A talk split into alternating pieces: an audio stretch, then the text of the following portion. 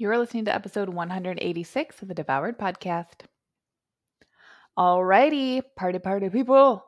So you've been playing around with vacation eating. And you have also been realizing that you do have the time for weight loss. So now let's also talk about this week's subject obligation eating. What is obligation eating? Obligation eating is basically eating for any reason that you feel obligated to eat. Could be because of other people.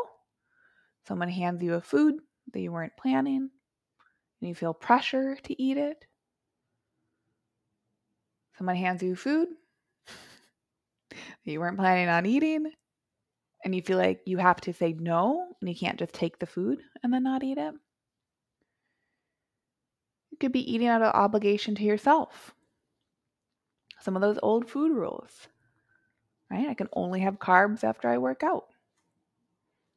I can't just eat 20 grams of protein at meals. I better eat 30 to 35 or 40 because I have to hit a certain amount of grams of protein every day.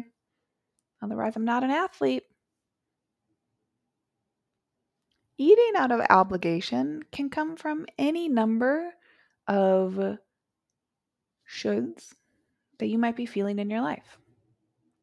And so, on today's episode, what I want you to be thinking about is like this conversation could easily get into like just set a better boundary. um, I felt like Tim Gunn when I said that from Project Runway. But I think the boundaries conversation is a little played. If I'm just being honest and real, probably a lot of you who listen to the show already understand the concept of boundaries. You feel like when you think about your boundaries, there are shoulds around your boundaries. I should have better boundaries. Like, why can't I figure my boundaries out? I should know how to set boundaries. I'm an adult. What's wrong with me? Like, I don't want to play that game because all that does is actually reinforce that, like, next level up of how you use information right? Like that's really weaponizing information against yourself. That's a thinking pattern. That's not a tangibles of like, let me instruct you on boundaries. We don't need to talk about boundaries. There's plenty of information out there all about boundaries. No, no, no. Today I want you to think about some of these different brain patterns that are really common. A lot of us think, right? Remember this too brain patterns, which I'll, I'll give you some examples of what those are in a minute brain patterns, we usually only have a couple of them. And then, like, it's the how you do one thing is how you do a lot of things idea. Those brain patterns tend to crop up in a different areas of your life.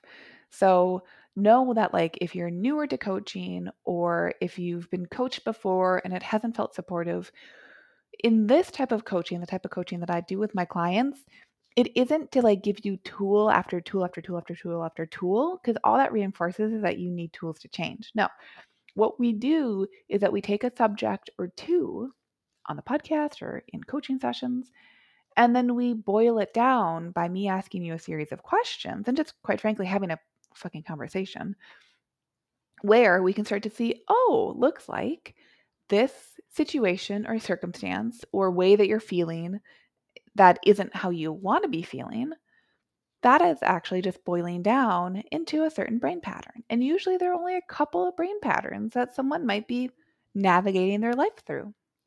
So, eating out of obligation, you're sitting down at a party, someone gives you some food and you feel like you can't say no or if you were to say no it would you know ruin the evening or it would hurt their feelings here are a couple of the different brain patterns that this might be boiling down into. Number one, over responsibility. What is over responsibility? Well, it's feeling responsible for how other people think or feel. But what is the truth? The truth is that if you feel safe enough, you actually deeply understand that you literally are not able to respond for people with their thoughts and feelings. It's one of the most amazing things that you can do is to release out of control. Okay. And we usually just control things because we're either fearing rejection or abandonment, we're fearing not being good enough in other people's eyes, or we're fearing um, letting go of control Those are some of like the universal core fears that we have as humans. So, feeling overly responsible for other people's thoughts and feelings is a form of control. So, of course, if we feel safe enough, we can let go of that over responsibility.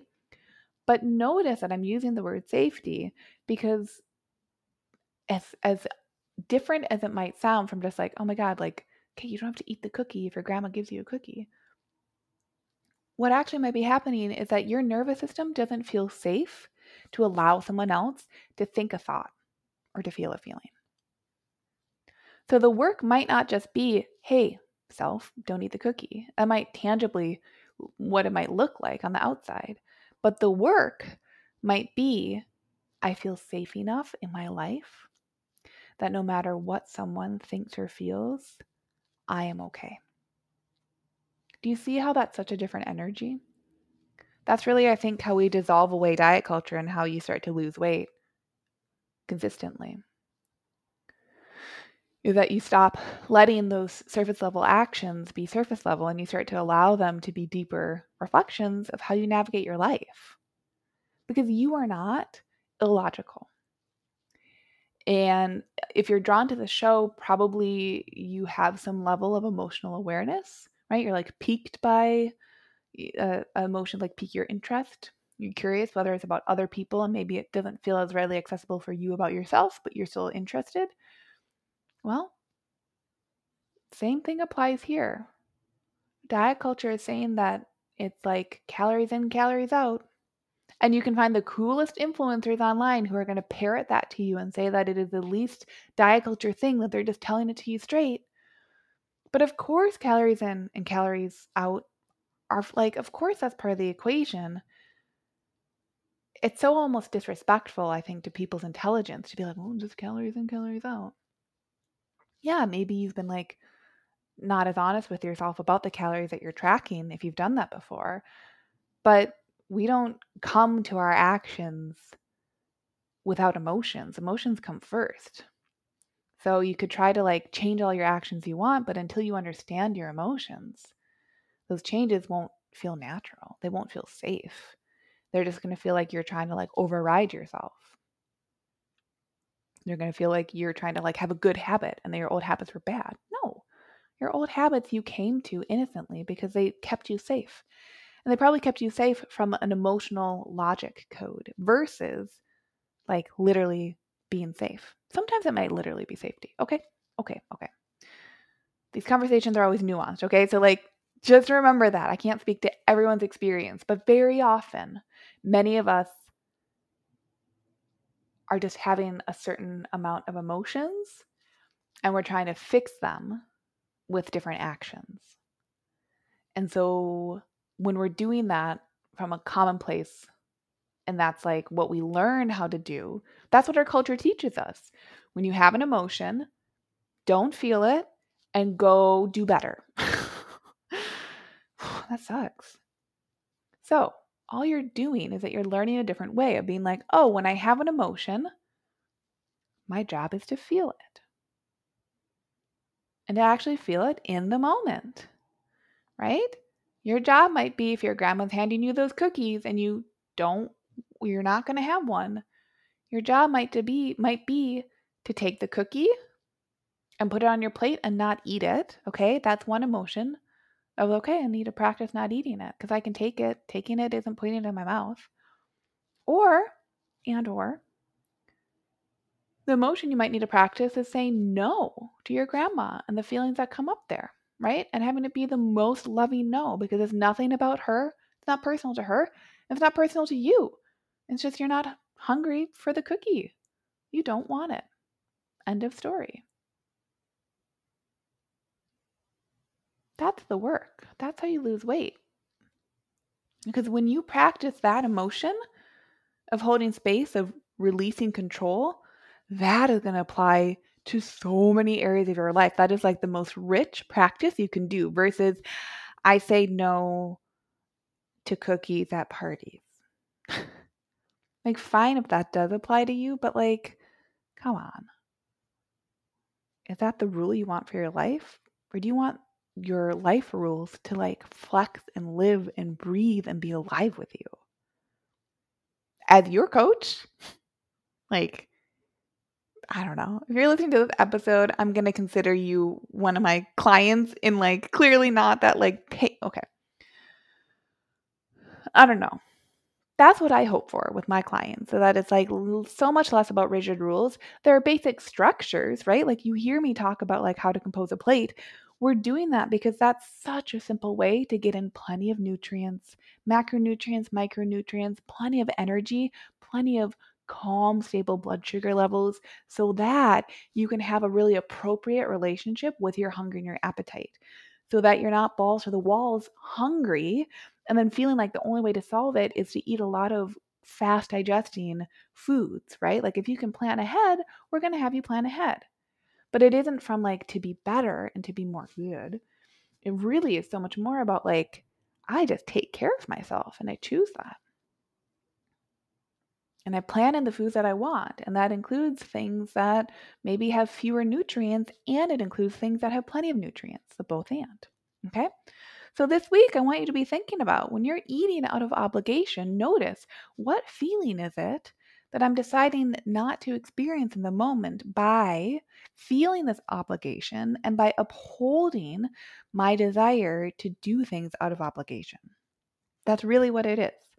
And more likely than not, the feeling that you're looking to not feel in that moment is probably one that you would define as unpleasant, like less than comfortable.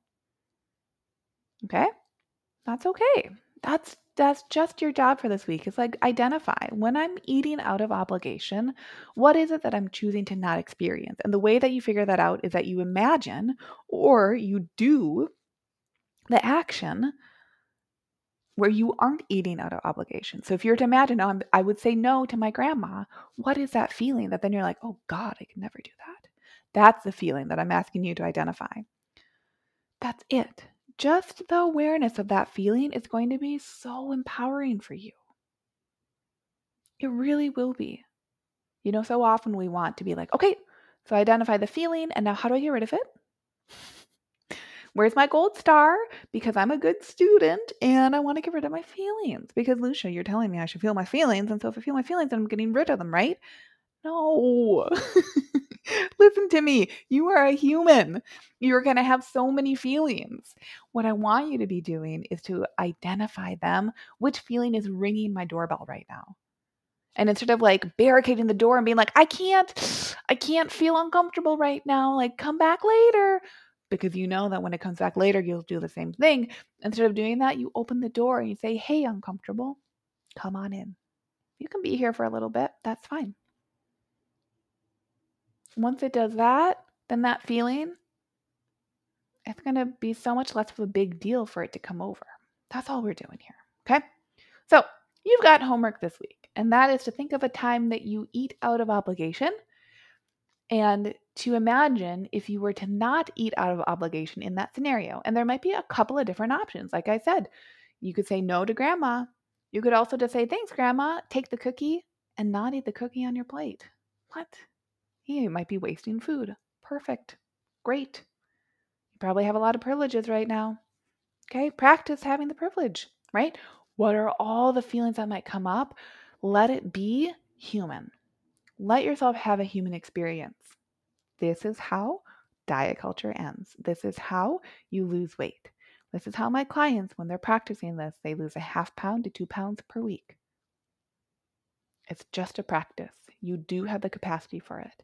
Your body's not going to serve you any emotion that is too much for you. And do you know when emotions feel like they feel like they're too much? When you're anticipating them and you never experience them. Guess what diet culture reinforces? To anticipate emotions and to never feel them and never know how to. So, you're going to practice that this week, all right? Okay, that's today's episode.